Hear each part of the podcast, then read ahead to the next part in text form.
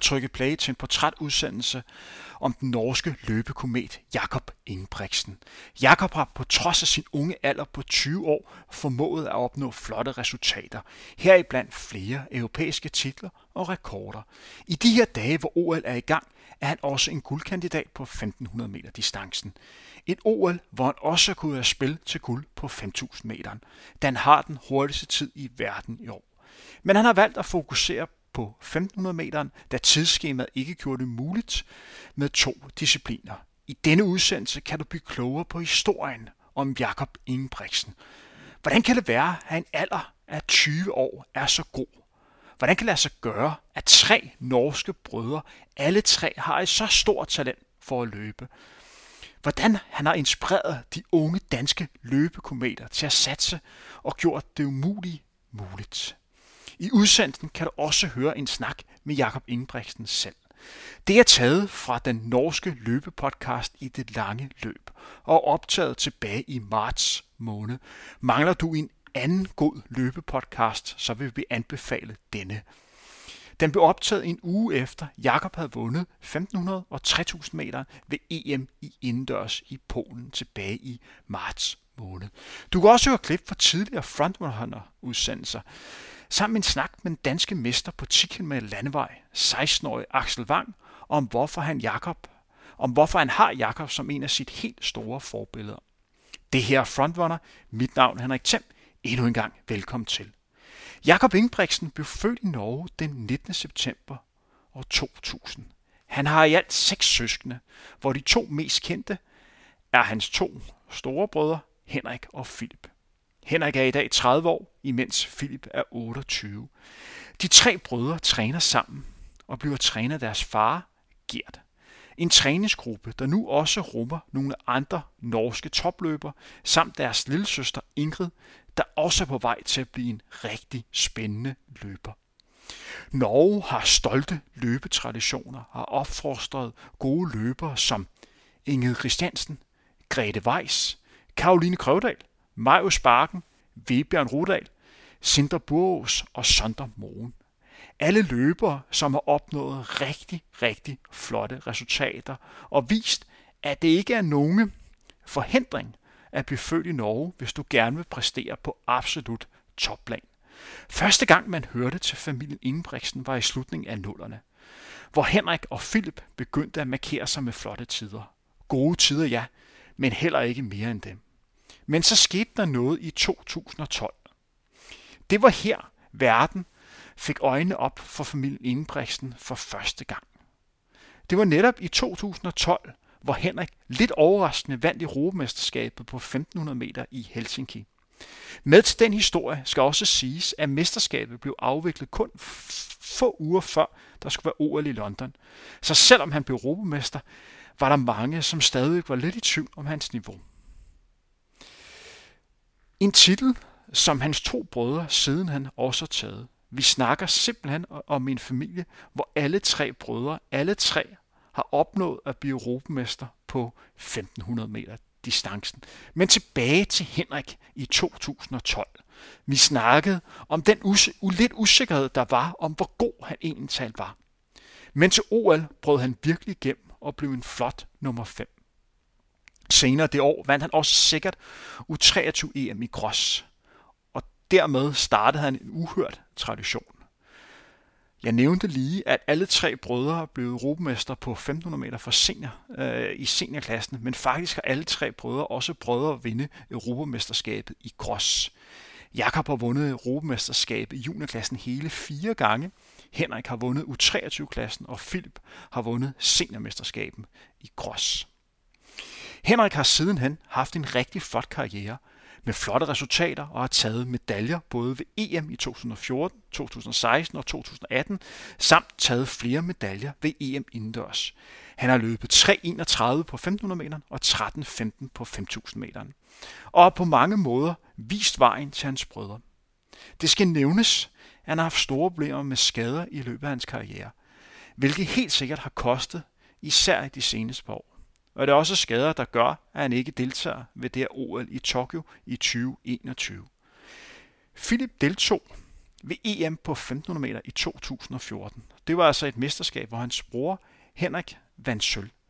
Men han kvalificerede sig ikke til finalen. Til gengæld tog han en revanche ved mesterskabet i 2016, hvor han lidt overraskende vandt guld. Senere denne sommer deltog han ved OL, men blev disket i indledende heat. Philips helt store år var i 2017, hvor han vandt bronze ved VM på 1500 meter. Og dermed den eneste af de tre brødre, som indtil videre har taget en medalje ved et verdensmesterskab. Året efter i 2018 løb han flotte 3.30.01 på 1500 meter ved Diamond League i Monaco, en tid som stadigvæk er hans personlige rekord. Han har løbet stærkt de sidste par år, men er ikke helt ramt topniveauet ved de store internationale mesterskaber. Imens Philip og Henrik løb stærkt, gik rygterne på, at Jakob var på vej og var endnu bedre end hans to brødre. Henrik sagde det selv. Bare vent. Lillebror er endnu bedre. I 2015 og 2016 løb han flotte tider på blandt andet 1500 meter distancen. Men det var først i 2017, han virkelig trådte ind på den store atletikscene med manér. Her blev han den yngste nogensinde til at løbe Sofia, Sofia minutter på mile. På det her tidspunkt var han kun 16 år. Senere det år kvalificerede han sig til verdensmesterskabet på forhindring, uden at gå i finalen. I 2018 prøvede han virkelig igennem på seniorplan. I en alder af kun 17 år vandt han både 1500 meter og 5000 meter ved Europamesterskabet i Berlin. På 5000 meter var det i øvrigt foran hans bror Henrik. Året sluttede af med en triple. Han vandt nemlig juniorklassen ved Europamesterskabet for tredje år i træk, og dermed skrev historie. En rekord han udbyggede år efter, hvor han tog sin fjerde titel i træk. 2019 startede med, at han vandt 3000 meter indendørs ved Europamesterskabet og fik selv og fik sølv på 1500 meter. Forventningerne var, at han kunne tage medalje ved junior-VM i Gros i Aarhus. Men efter et hårdt løb sluttede han som nummer 12. De afrikanske løber var simpelthen for stærke. Det var en meget træt Jakob, så kom i mål ved den lejlighed. Senere løb han en flot U20 Europa-rekord på 1500 meter med 3.30 og løb imponerende 13.02 på 5.000 meter, som også var ny juniorrekord. Han sluttede året med at løbe en ny norsk rekord på Tikma Landevej med 27.54, som også var en ny junior-europarekord og var det hurtigste det år, der blev løbet af nogen seniorløber på Tikma-distancen. Og det var altså et løb, han løb på hjemmebane i Norge. Målet var en medalje ved VM. Han deltog både på 1500 meter og 5000 meter og sluttede som nummer 4 og 5. Det var tydeligt at se, at det var måske lige hårdt nok med to øvelser på én gang. Det var hårde forhold ved verdensmesterskabet i Dora ved den lejlighed. På 5.000 meter var han blandt andet i finalen med hans to brødre, Philip og Henrik. Det er aldrig sket før, at tre brødre er i finalen ved et stort internationalt verdensmesterskab. Fremgangen er fortsat, eller fortsatte her i 2020 og 2021, og han har løbet ny europæisk seniorrekord på 1500 meter med 3.28.68 og på 5.000 meter med 12.48. Han vandt som sagt dobbelt ved Europamesterskabet i 2021. En ting, som er oplagt at tage fat på, er, hvordan Jakob trænede så ung. Du kan høre Jakob svare på det spørgsmål i podcasten i det lange løb. Det var jo Altså, jeg har jo trænet samme træning hele livet. Jeg har liksom ja. aldri ikke trent terskeltrening eller trent sånn som Henrik og Philip. Uh, men det er jo, jeg ser jo sjøl at det er mye folk som, som, lurer, og spesielt ute i verden så er det jo mange sånne fine forum og treningssider som av en eller annen merkelig grunn har uh, fasiten på hva jeg gjør. Uh, men det de kommer fram til, var jo trening som jeg gjorde når jeg var ti år gammel. Ja. Nesten. Sikkert ikke så gale, men, men det er sånn folk tenke at vi, vi løper mye kilometer, men det er jo altfor lite kilometer. Altså, de skriver at eh, vi løper liksom 100 eh, miles i uka. Og det er jo for mange, mange år siden. Eh, så det folk, folk sliter litt med å skjønne hvor mye og jeg faktisk løp som liten. Jeg var kjapt opp på 120-140 km i uka eh, når jeg var liksom eh, 9-10-11. Eh, men da var det jo stort sett fordi jeg var samme plassene som, som Henrik og Philip, og eh, ja, prøvde også å følge med de på Altså ikke i farta, men jeg syns det var gøy å gjøre ting likt de, for de var jo store stjerner, iallfall på nasjonal level. Eh, og da ja, balde det litt på seg, og Gjert så òg at det, ja, eller mer sånn La, la Jakob uh, løpe noen 200 meter og 400 meter, og til slutt 1000 meter på terskel, så, så, blir det jo fort en, en, del kilometer hvis du gjør det uh, flere ganger i uka. Men Hvor gammel var du når du begynte å kalle det trening for deg selv? da? Nå skal jeg trene, liksom? Var du seks, eller var du åtte, eller var du ti?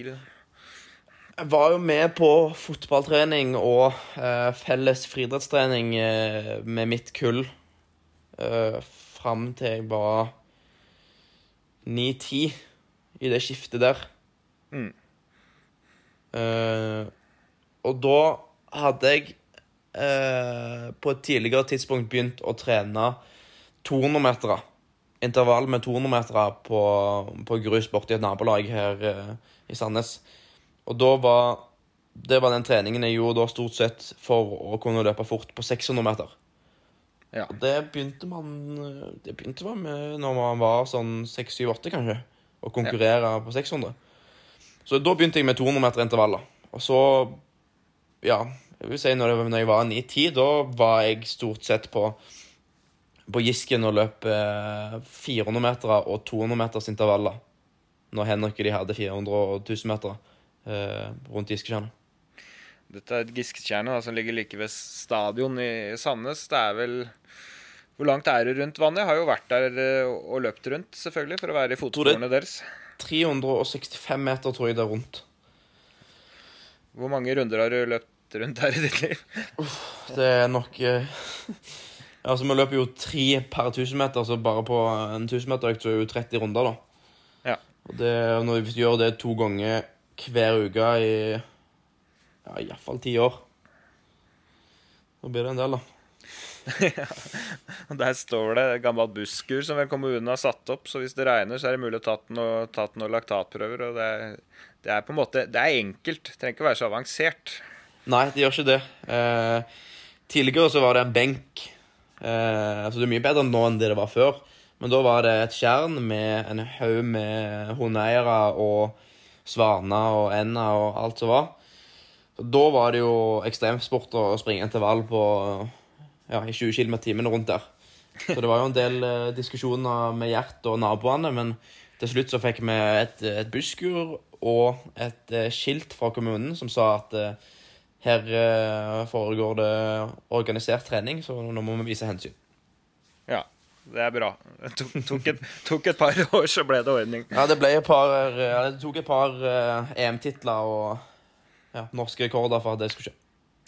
Men du, Hvor gammel var du når du første gang skulle løpe to økter på, på en dag? Det var stort sett noe jeg begynte med eh, i påskeferien husker ja. jeg. Når vi fikk, eh, fikk påskefri fra, fra, skolen, så hadde jeg eh, stort sett to økter hver dag til midten av sommeren, når på en måte til konkurransene mine var, var ferdig.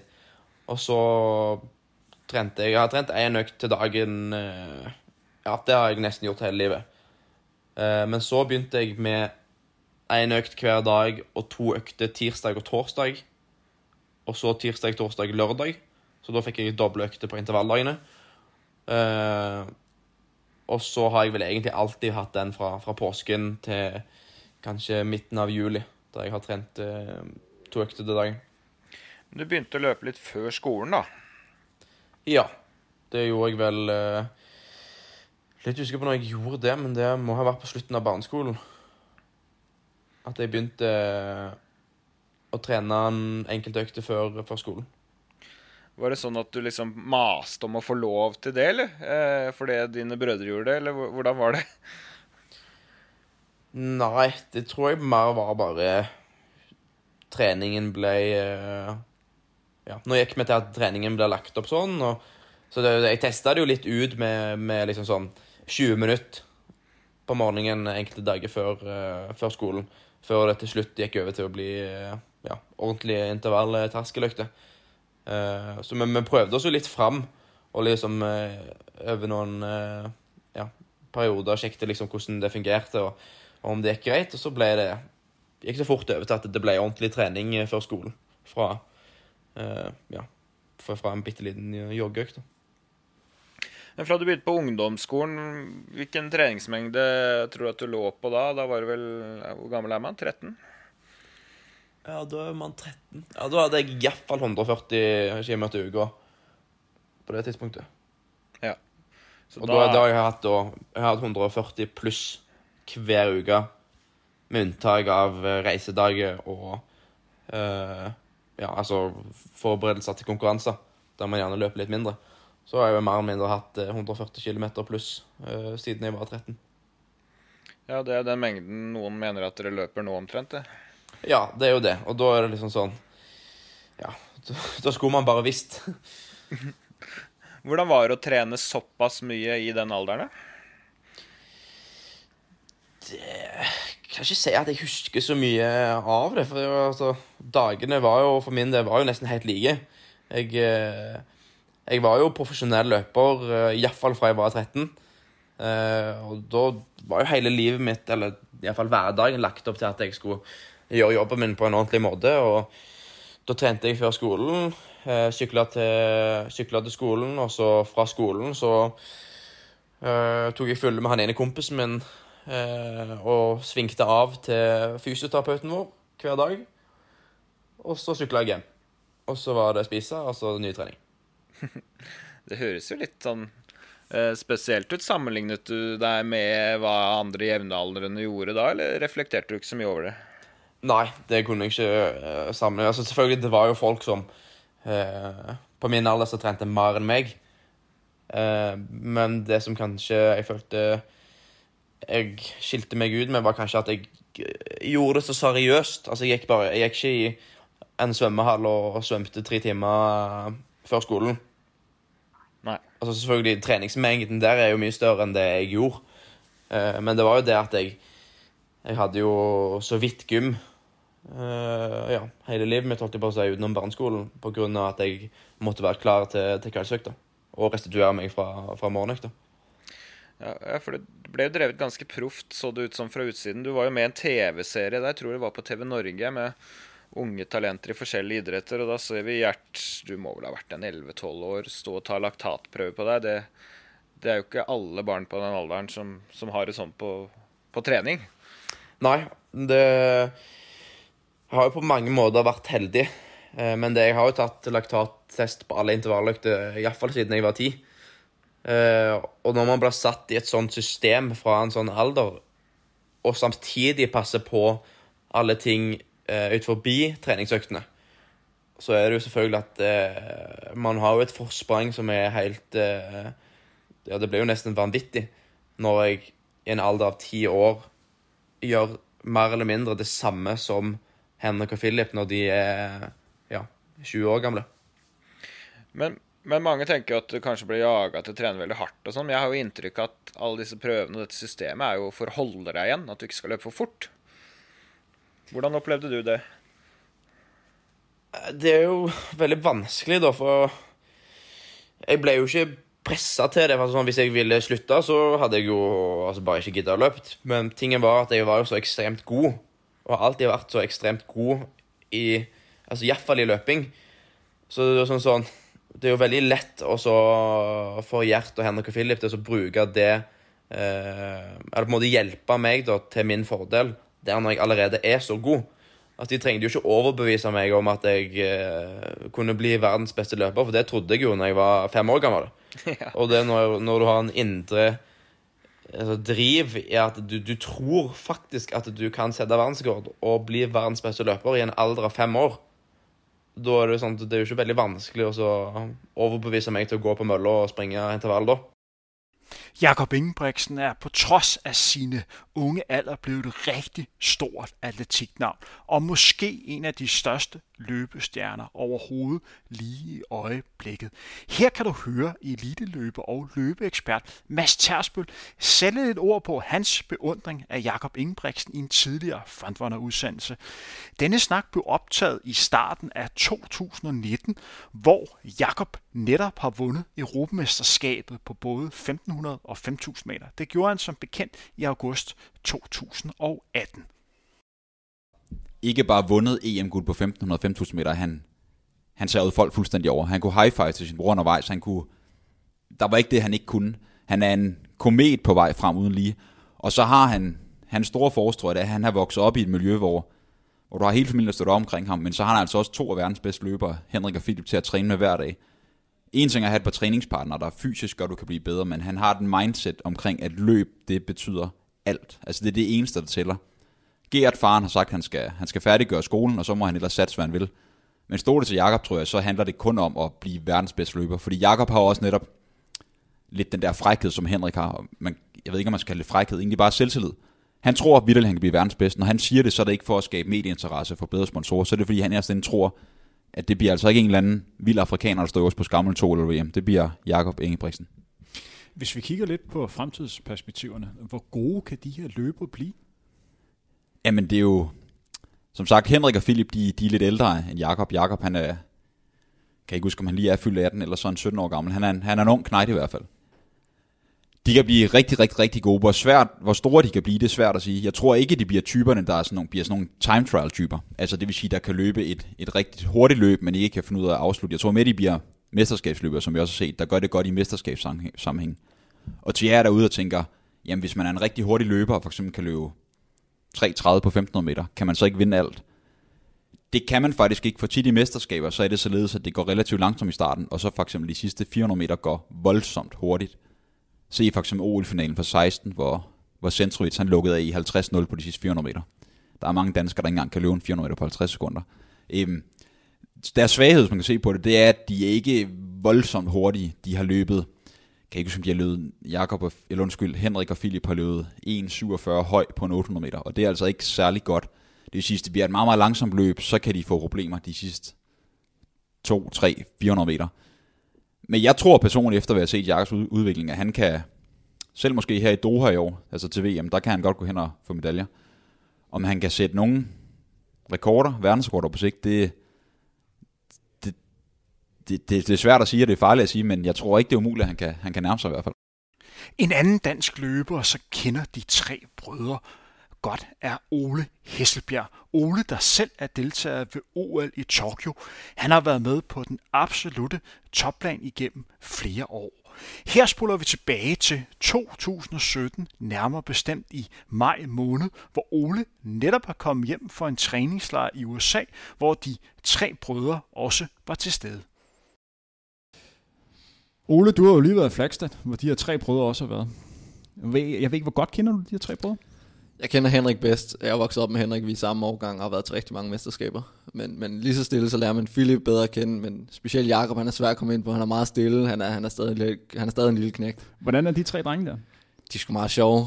Um, nu går, vi mødte dem her på, på Arizona her, en af de sidste, sidste dage, vi havde der, og snakkede lidt med dem, og, og hørte, hvad de skulle, og hvor de skulle løbe og sådan noget, og så så snakkede de lidt om, om Jakob, om hvad han gik efter, og, sådan, og så, så nævnte jeg bare, at jeg havde løbet ikke særlig hurtigt på 1500 meter, og så kommer de lige med en lille, kom Philip med en lille stikpille og sagde, at det er jo kun 15 sekunder langsommere, end, end Jakob har løbet, eller noget af den stil. så de er meget sjove, hurtige, friske, øhm, men de holder sig meget for sig selv, når de er stadig på de her træningslejre, øh, i modsætning til de andre svensker og, og nordmænd. Hvordan træner de? Det er jo det, det er jo svært at finde ud af, når de holder sig meget for sig selv. Hvordan tror du, de træner? Jeg tror, de ligger på omkring 150, 160, tror jeg Henrik ligger. Henrik løber mere end de andre, og så ligger Philip i midten, og så ligger Jakob måske på en 130-140 km om ugen, øh, og så kører de rigtig meget threshold. Øhm, og øh, beskriv lige threshold. Det, det, det tempo, som man egentlig kan blive ved med at løbe længe, øh, uden, uden at syre til, og, og uden det bliver rigtig hårdt. Det virker som tre løbere, som har en kæmpe tro på dem selv. Øh, og på en måde er det lidt atypisk øh, norsk eller skandinavisk. Hvordan ser du på det? Ja, det tror jeg er meget rigtigt. Øh, specielt Henrik tror jeg rigtig meget på sig selv. De andre to er lidt mere ydmyge og, og siger ikke så sindssygt meget. Øh, Jeg kan huske, jeg mødte også Henrik og, og Jakob i St. Moritz sidste år, og der tror jeg også, der havde han lige løbet, der havde Jakob løbet rimelig hurtigt på 1500 også, og så stod jeg bare snakket med ham og sagde tillykke, og, og det var flot løbet og vildt imponerende, og han blev bare knaldrød i hovedet, øh, den lille knægt. så, så han er måske lidt mere ydmyg end, end de andre to. Der er ingen tvivl om, at her i 2021, at Jakob Ingebrigtsen er en af de absolute største løbestjerner, vi har. Ikke bare her i Europa, men i hele verden. Han er et kæmpe navn. En af årsagerne til, at han er kommet så langt rent brandingmæssigt, er udover hans flotte niveau, også en tv-serie, som nu har kørt på 5. 6. år. Det er en tv-serie, hvor man følger familien Ingebrigtsen træning og liv generelt. I denne udsendelse, der blev optaget i, i starten af 2019, kan du her høre journalist Arnes Junge Ernst fra Ekstrabladet og løbeekspert og eliteløber Mads Tersbøl sætte et ord på, hvordan de ser denne tv-serie. Øh, det er i hvert fald en udsendelse, som øh, jeg ikke er den eneste, der synes er interessant, for det er jo blevet en kolossal øh, succes i Norge, og, og sådan set også uden for, for Norges grænser. Øh, og man skal ikke undervurdere øh, betydningen af den her Team Ingebrigtsen-serie. Øh, Øjstein øh, Jarsbo der fra, fra VG øh, fortalte også, at, at han faktisk tror, at, øh, at den her serie, den, den har været mere udslagsgivende for deres popularitet, end deres øh, titler og deres præstationer på banen er. Og så kan man jo selv øh, begynde at lave regnestykket med i forhold til, hvad de har opnået, øh, og, og hvad den serie så har givet dem.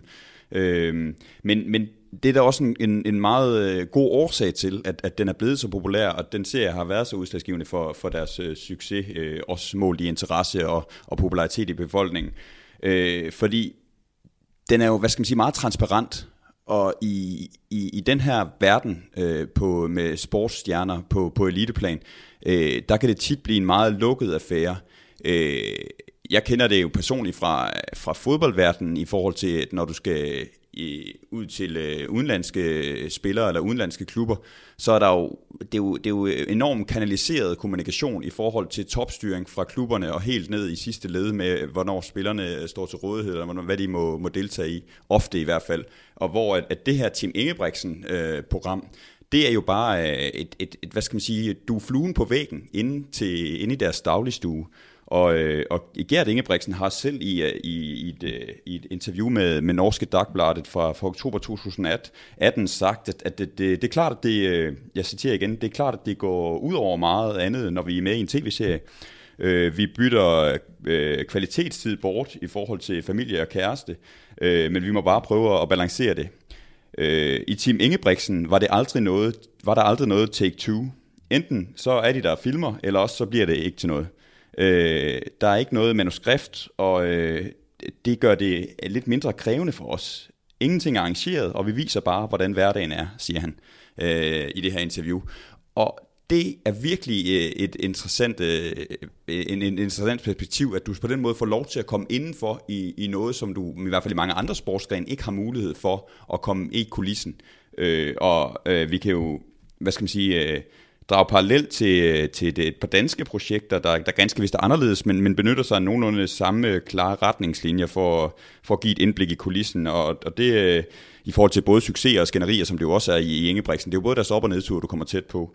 Øh, men øh, Discovery Networks i Danmark stod, af, i, øh, stod bag det program, der hed Mellem Håb og Håbløshed, som har kørt nu her øh, i, i forbindelse med Superligaen øh, over, over efteråret med, med AGF, fokus på, på AGF, hvor man sådan kommer i kulissen, øh, øh, ind i kulissen og ser, hvad der foregår der på, på kontoret og på, på træningsbanen. Og, og forgængeren til det program var jo, var jo det her Superligaen Backstage med Randers, hvor man også altså kom helt ind i omklædningsrummet og mærkede, hvad er det egentlig, der fungerer, hvor vi kommer helt ind til der, hvor, øh, hvor vi ikke lige øh, får øh, talestregerne normalt fra aviserne, eller, eller det her hurtige interview efter kampen på tv.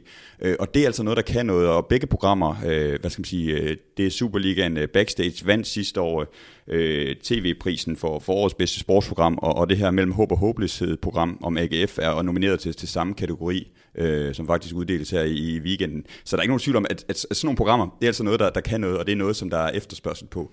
Og hvad kan vi lære af det i, i dansk løb? Øh, vi kan lære, at, at, at det vil være noget, der sandsynligvis skulle skabe samme succes, hvis man kunne gøre noget lignende i, uh, i Danmark. Vores udfordring er jo så bare, at vores øh, idrætsudøvere i forhold til atletikken endnu ikke er op på et niveau, som Ingebrigtsen-brødrene er på. Øh, og hvis man kan tage diskussionen om, hvad kom først, høn eller ægget, så var det jo alligevel trods alt øh, stadigvæk op på et vist niveau i forhold til popularitet, før det her tv-program begyndte at køre. Det vil være svært at lave et lignende program allerede nu med en dansk atlet øh, inden for løbeverden, fordi interessen ganske enkelt ikke er helt op i det hype-niveau, som det er i Norge endnu. Men når den kommer, hvis den kommer, og der på et tidspunkt bliver en åbning for, at du kan tage det sidste skridt op i forhold til at få udbredt atletikken, eller få udbredt den her stjerne, eller de her stjerner, så vil det jo være, være et, et, et, hvad skal man sige, et, et, et nemt og, og trin at tage. Hvad tænker du om programmet, Mads? Jeg synes, det er fantastisk. Nu har Anders kommet et rigtig, rigtig fint og, og længere indblik i det. Jeg synes, det er fantastisk at få et indblik i en, i en ærlig dagligdag. Fordi som vi ser det, drengene de render rundt i underbukser, de ligger på sofaen i bar mave, de er fuldstændig som jeg antager, at de i virkeligheden er. Øhm, også at Gert han tør være, fordi Gert har været meget, meget udstillet. Det er typisk ham, der bliver udstillet. Man kan sige, det er drengene, der bliver udstillet, hvis de ikke præsterer, som de, som de ofte gør, men de gange, hvor de, hvor de som ikke går. Men Gert han er udstillet, fordi han netop er, er faren, og jeg tror, det er det, der, skal man sige, der går mange mennesker på, at han er så hård. Jeg husker specielt en episoden for, for den her serie. Jeg tror, det var for sæson 1, hvor Philip øh, og familien, kæresten, Astrids familie, har inviteret ham på, på ferie. De har betalt hele muligheden, og Gert, de står nede i køkkenet og snakker, Philip og, og Gert og Henrik tommer lidt sådan rundt i baggrunden, og så Philip siger, at, at han er blevet inviteret på, med, hvad hedder det, på ferie af familien, og alt er betalt, så der er ikke noget med, at, at farmand skal hjælpe til med at spille noget til. De er i gang med en sæsonpause, hvor de har en, ved ikke, to-tre uger, hvor de ikke laver det store. Jeg mener så, det er 1. juli, datoen er irrelevant, men der starter de op igen. Og Gert, som sagt, han er, han er kontrol og monitorering med alle ting.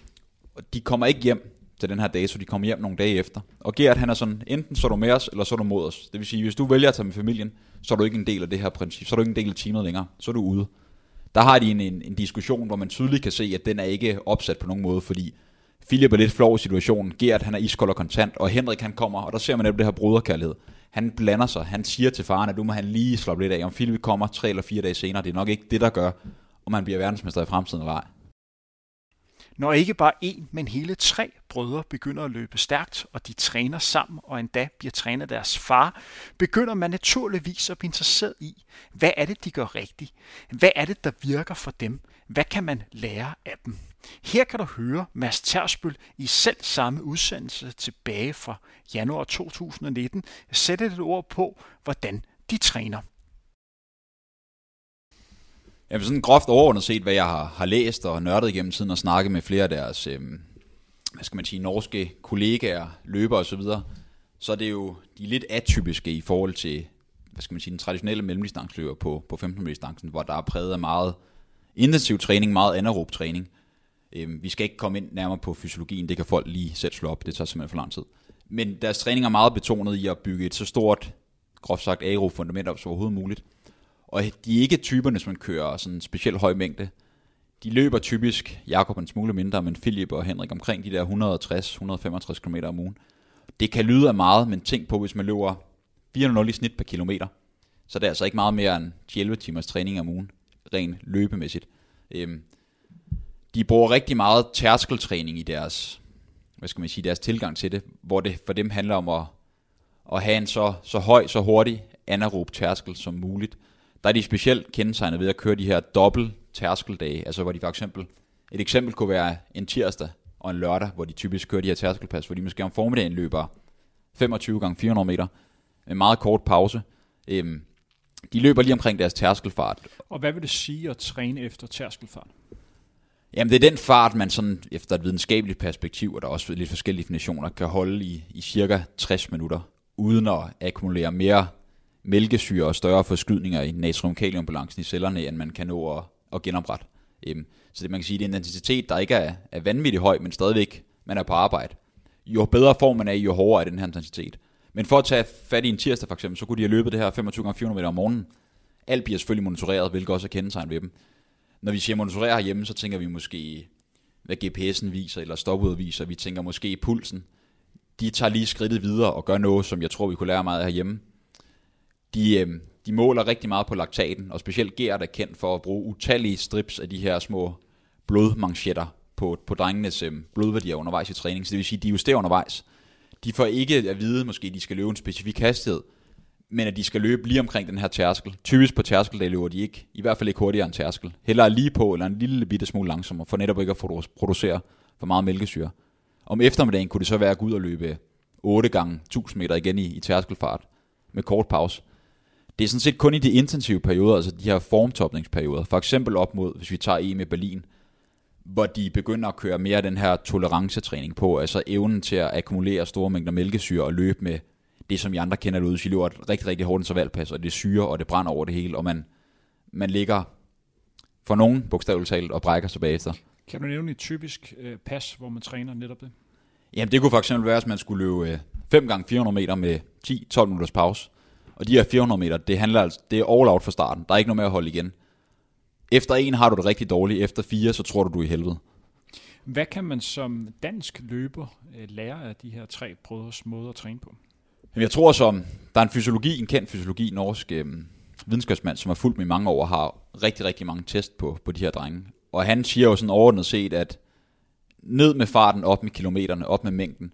Det er selvfølgelig en ting, men noget, der også er kendetegnet for Ingebrigtsen-drengenes træning, det er, at de sådan året rundt har deres klassiske, jeg kalder lidt Ingebrigtsen, passet i, i parentes, eller, eller hvad siger man med, med flyver, som er to sæt af 10 gange 200 meter bakkeintervaller med relativt højt fart. Og der bliver selvfølgelig akkumuleret noget mælkesyre. Derudover ved jeg også, at de, de bruger en del tid på at lave drills, koordination, plyometriske øvelser, al den her stabiliserende styrketræning, som mange bruger alt for lidt tid på, netop for at blive, de ser det som den fuldkommende atlet.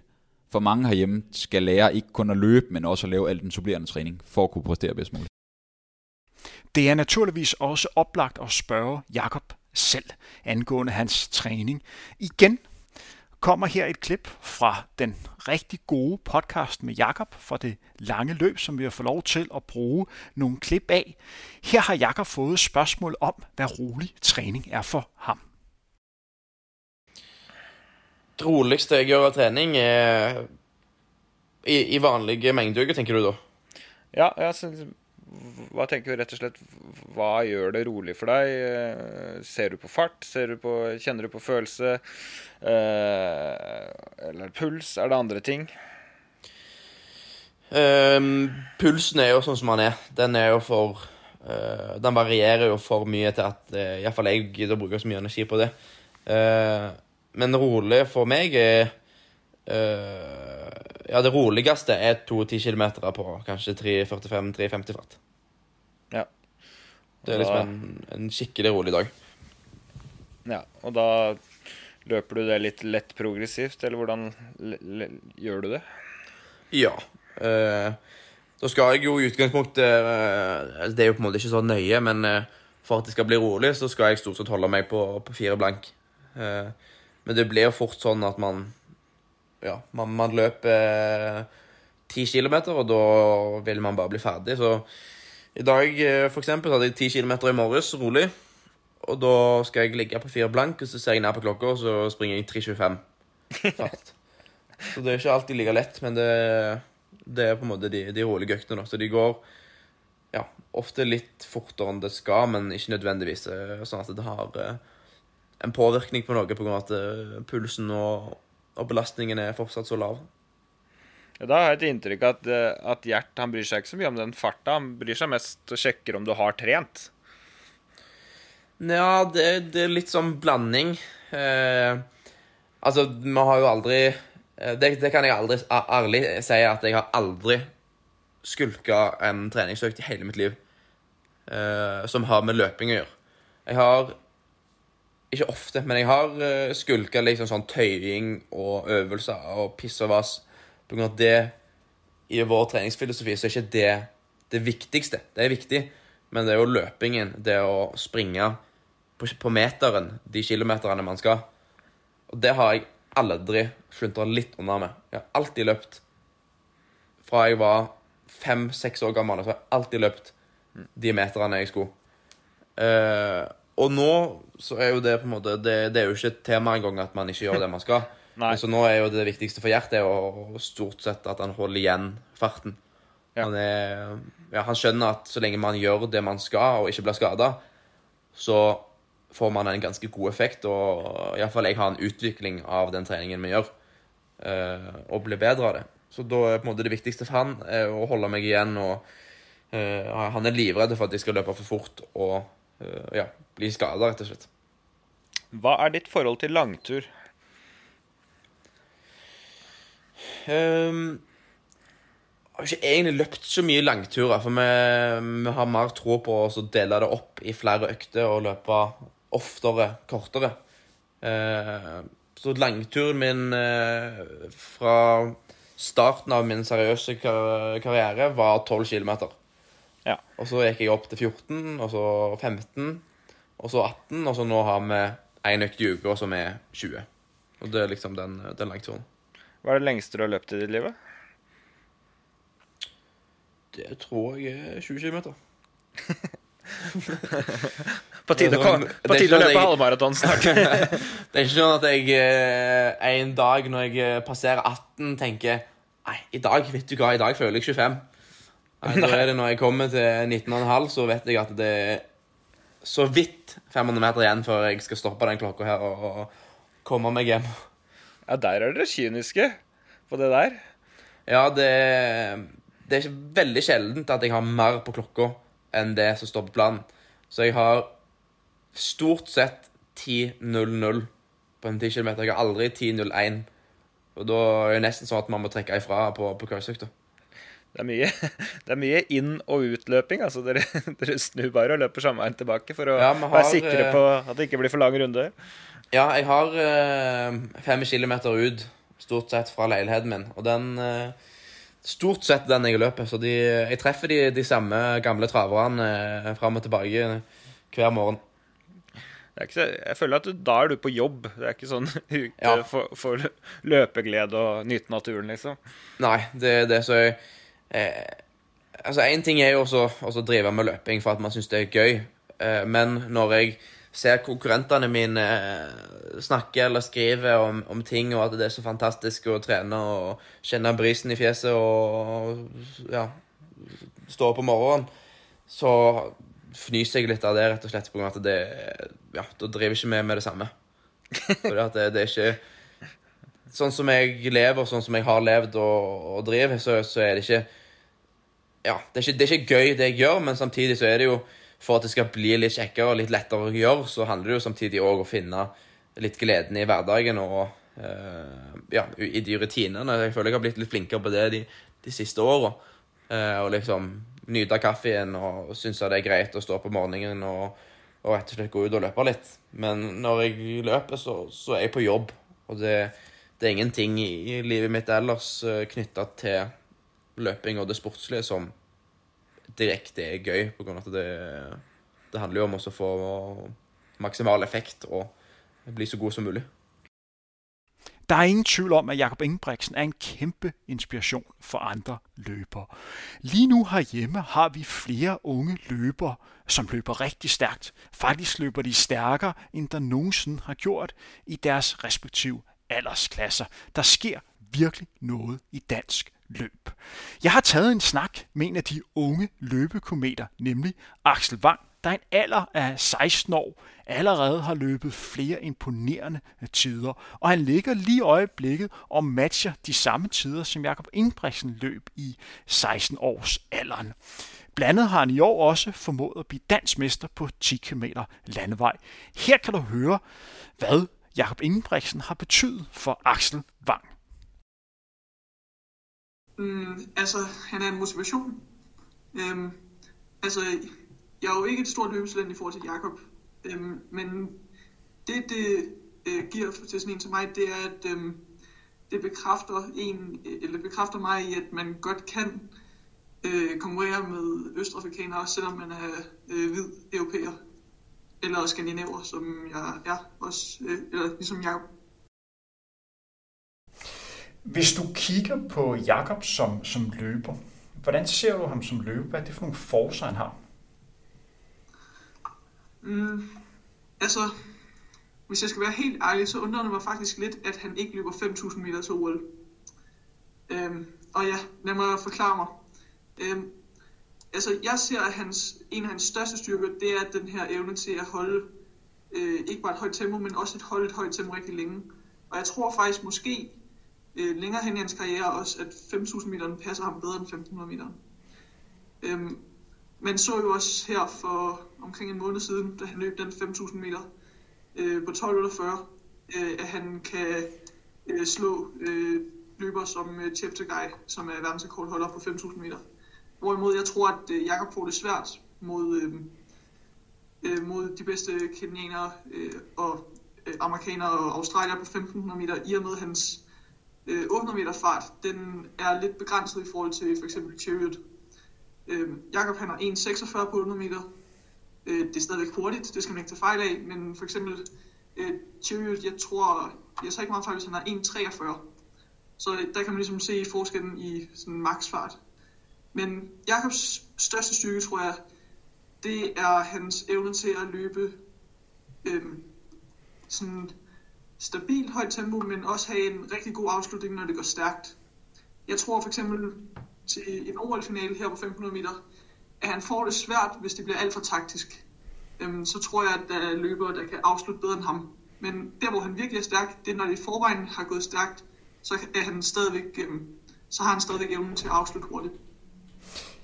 Jakob er også en, en løber, der relativt tidligt i hans karriere meldt ud, at han gerne vil være den, den bedste, og han har jo langt hen ad vejen nået øh, derhen. Du er også en løber, som har meldt store ambitioner ud. Er det noget, som du har taget ved lære ved Jakob? Øh, mm, nej, øh, det ved jeg ikke. Øh, altså, det er mest øh, min egen overbevisning. Jamen, at jeg, jeg tror virkelig på, at jeg godt kan blive verdens bedste. Men jeg, øh, det er først, jeg ved ikke, øh, jeg, jeg er ret sikker på, at det er fra øh, den tv-serie, der hedder Team Ingebrigtsen, hvor han sagde, kan jeg huske, at han gerne vil blive bedst af alle. Øhm, men det er faktisk først noget, jeg har set sådan for, øh, inden for de sidste par år. Men, øh, men ja, øh, det er det er vigtigt, at man har den her tro på, at man godt kan blive bedst, og jeg tror også, det er det, er det der gør, at Jacob er nået så langt. Vil du sætte lidt flere ord på, hvordan du bruger ham som inspiration? Du er også en løber, der ligger og jagter hans øh, ungdoms overgangsrekorder. Hvad betyder det at have sådan en, en løber, man, man går efter? Og det er jo, du har jo selv nævnt, at det er jo en ære at gå efter hans rekorder. Mm. Ja. Øh, altså, det er jo fordi, jeg kan se, øh, hvor langt han er nået. Så det giver lidt en følelse af, at man er... Altså, når man er i en proces som ungdomsløber, så kan, man, kan det nogle gange virke urealistisk at nå helt op til topniveau. Altså, nu ligger jeg jo og render rundt omkring øh, 13 minutter og 45 sekunder på en 5.000 meter, og så kan det godt virke lidt urealistisk at komme ned og løbe 12 minutter og 45 sekunder. Men fordi det er, jeg ser, hvad det er, Jacob han løb, da han var på min alder, og jeg kan se, at jeg nærmer mig det, han løb, så giver det ligesom også en øh, bekræftelse i, at man gør det rigtigt, og man skal bare blive ved med at gøre det, man gør. Øh, så det er en motivation i virkeligheden. Er der noget i hans træning, som du også skal finde inspiration i? Er der noget, hvor du kan kigge på, okay, han træner på den måde, det må jeg også hellere gøre? Ingebrigtsen-familien er ret kendt for at løbe masser af tærskel. Øhm, men det er faktisk ikke noget, vi gør så meget. Øhm, vi løber en del øhm, vi har en del kilometer i sådan lidt langsommere en tærskel, øh, sådan tempo øh, fart. Øh, så det, vores træning ligner ikke så meget hinandens. Øh, så skulle det måske være det her med, at jeg ved, at hans lange ture, øh, de er typisk ikke med en intensitet. Øh, de er typisk bare for at få kilometerne i benene, og det øh, kan man også godt se i min træning, at mine lange ture, det er ikke nogen, der øh, jeg bliver mest presset på distancen. Jeg bliver ikke presset på farten. Så der er der helt sikkert noget, der ligner hinanden, men jeg ved ikke. Men det kan godt være, at jeg på et tidspunkt, øh, hvis det er, at jeg ser, at jeg ikke er en sådan progression i den træning, jeg laver i øjeblikket, øh, at jeg så går over til at så få mere inspiration af, af nogle andre, der er succesfulde med, med det, de laver. Men i øjeblikket så holder vi os til det, vi ved virker for os. Hvis du går ind og, hvis du går ind og kigger på Jakobs som løber, og kigger på, hvordan du tror, han udvikler sig. Hvad for en distance tror du, han bliver bedst på? Lige i øjeblikket ligger han jo og veksler mellem 1500 meter, 3000 og 5000. Men øh, når du kigger på ham, hvad for en distance tror du, han vil blive allerbedst? Mm.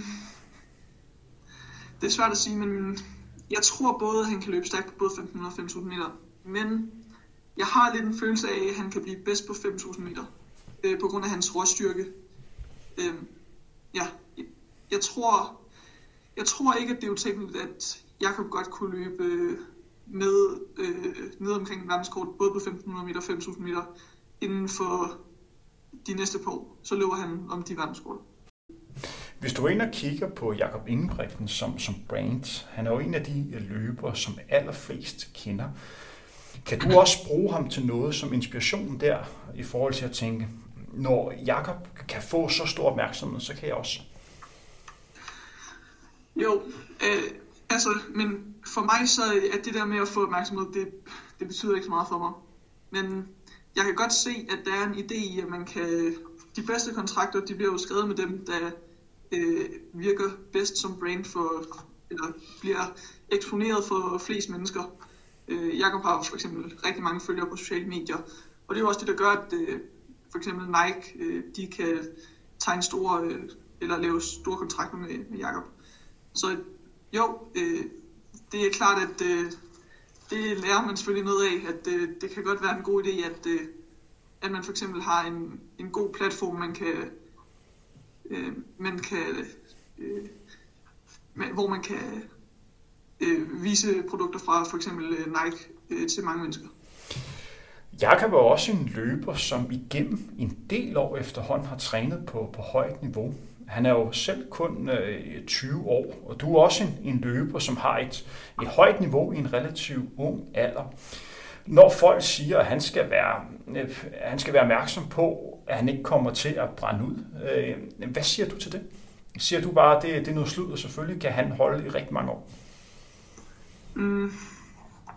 Altså, jeg kan huske, at jeg har fået, jeg har fået det at vide, siden jeg var mere eller mindre 12 år gammel, at jeg skulle holde igen, og vi skulle passe på. Og, øhm, og det var, da jeg var 12 år gammel, der kunne man begynde at sætte øh, danske ungdomsrekorder. Øhm, og det var meget motiverende for mig. Jeg tror, øh, jeg tror på, at det kan godt øh, knække nogle unge løbere, hvis det er, at øh, det bliver ligesom for alvorligt i en for ung alder. Men øh, for mig var det bare udelukkende meget motiverende. Og øh, jeg tror, at Jacob han er nået til et punkt nu, hvor det er, at øh, det udelukkende kun har været positivt for ham, at han har trænet så meget og så godt i så ung alder.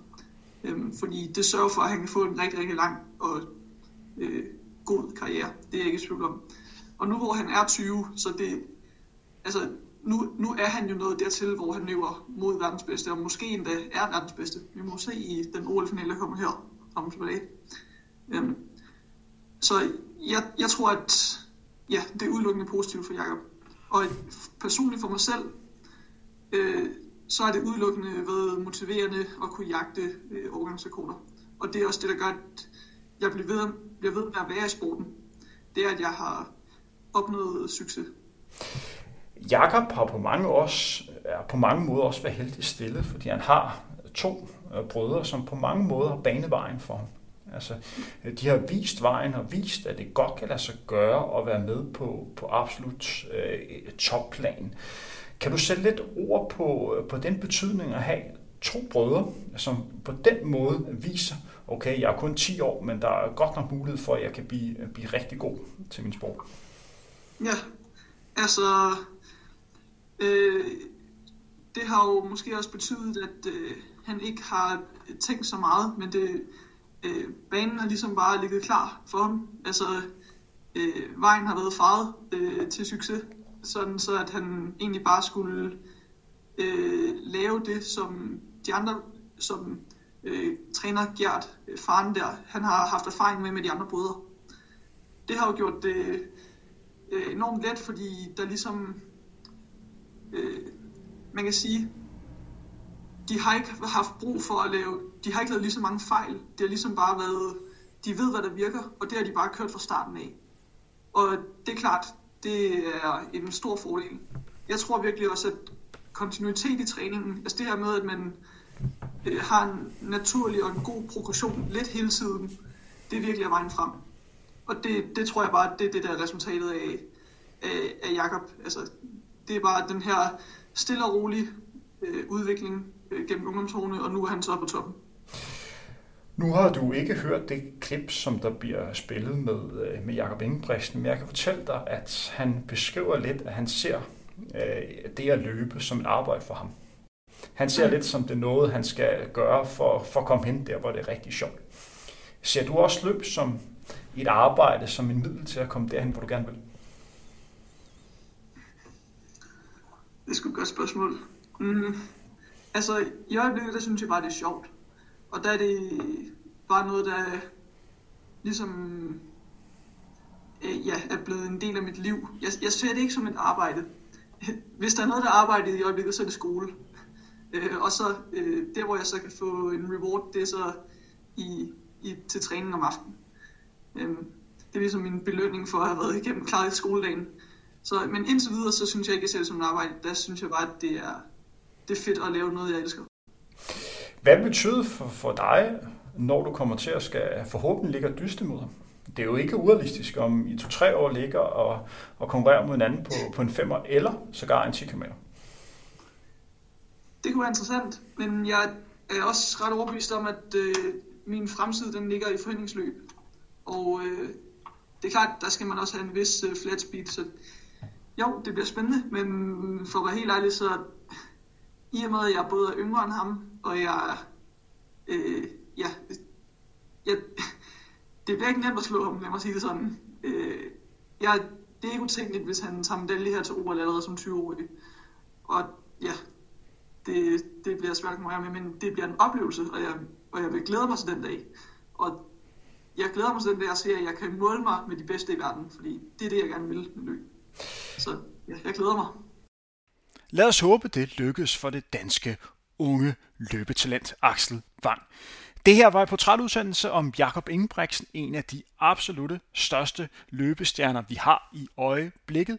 Jeg håber, du bliver klogere på hans karriere, om hvordan det er lykkedes tre brødre at nå den absolute verdenstop.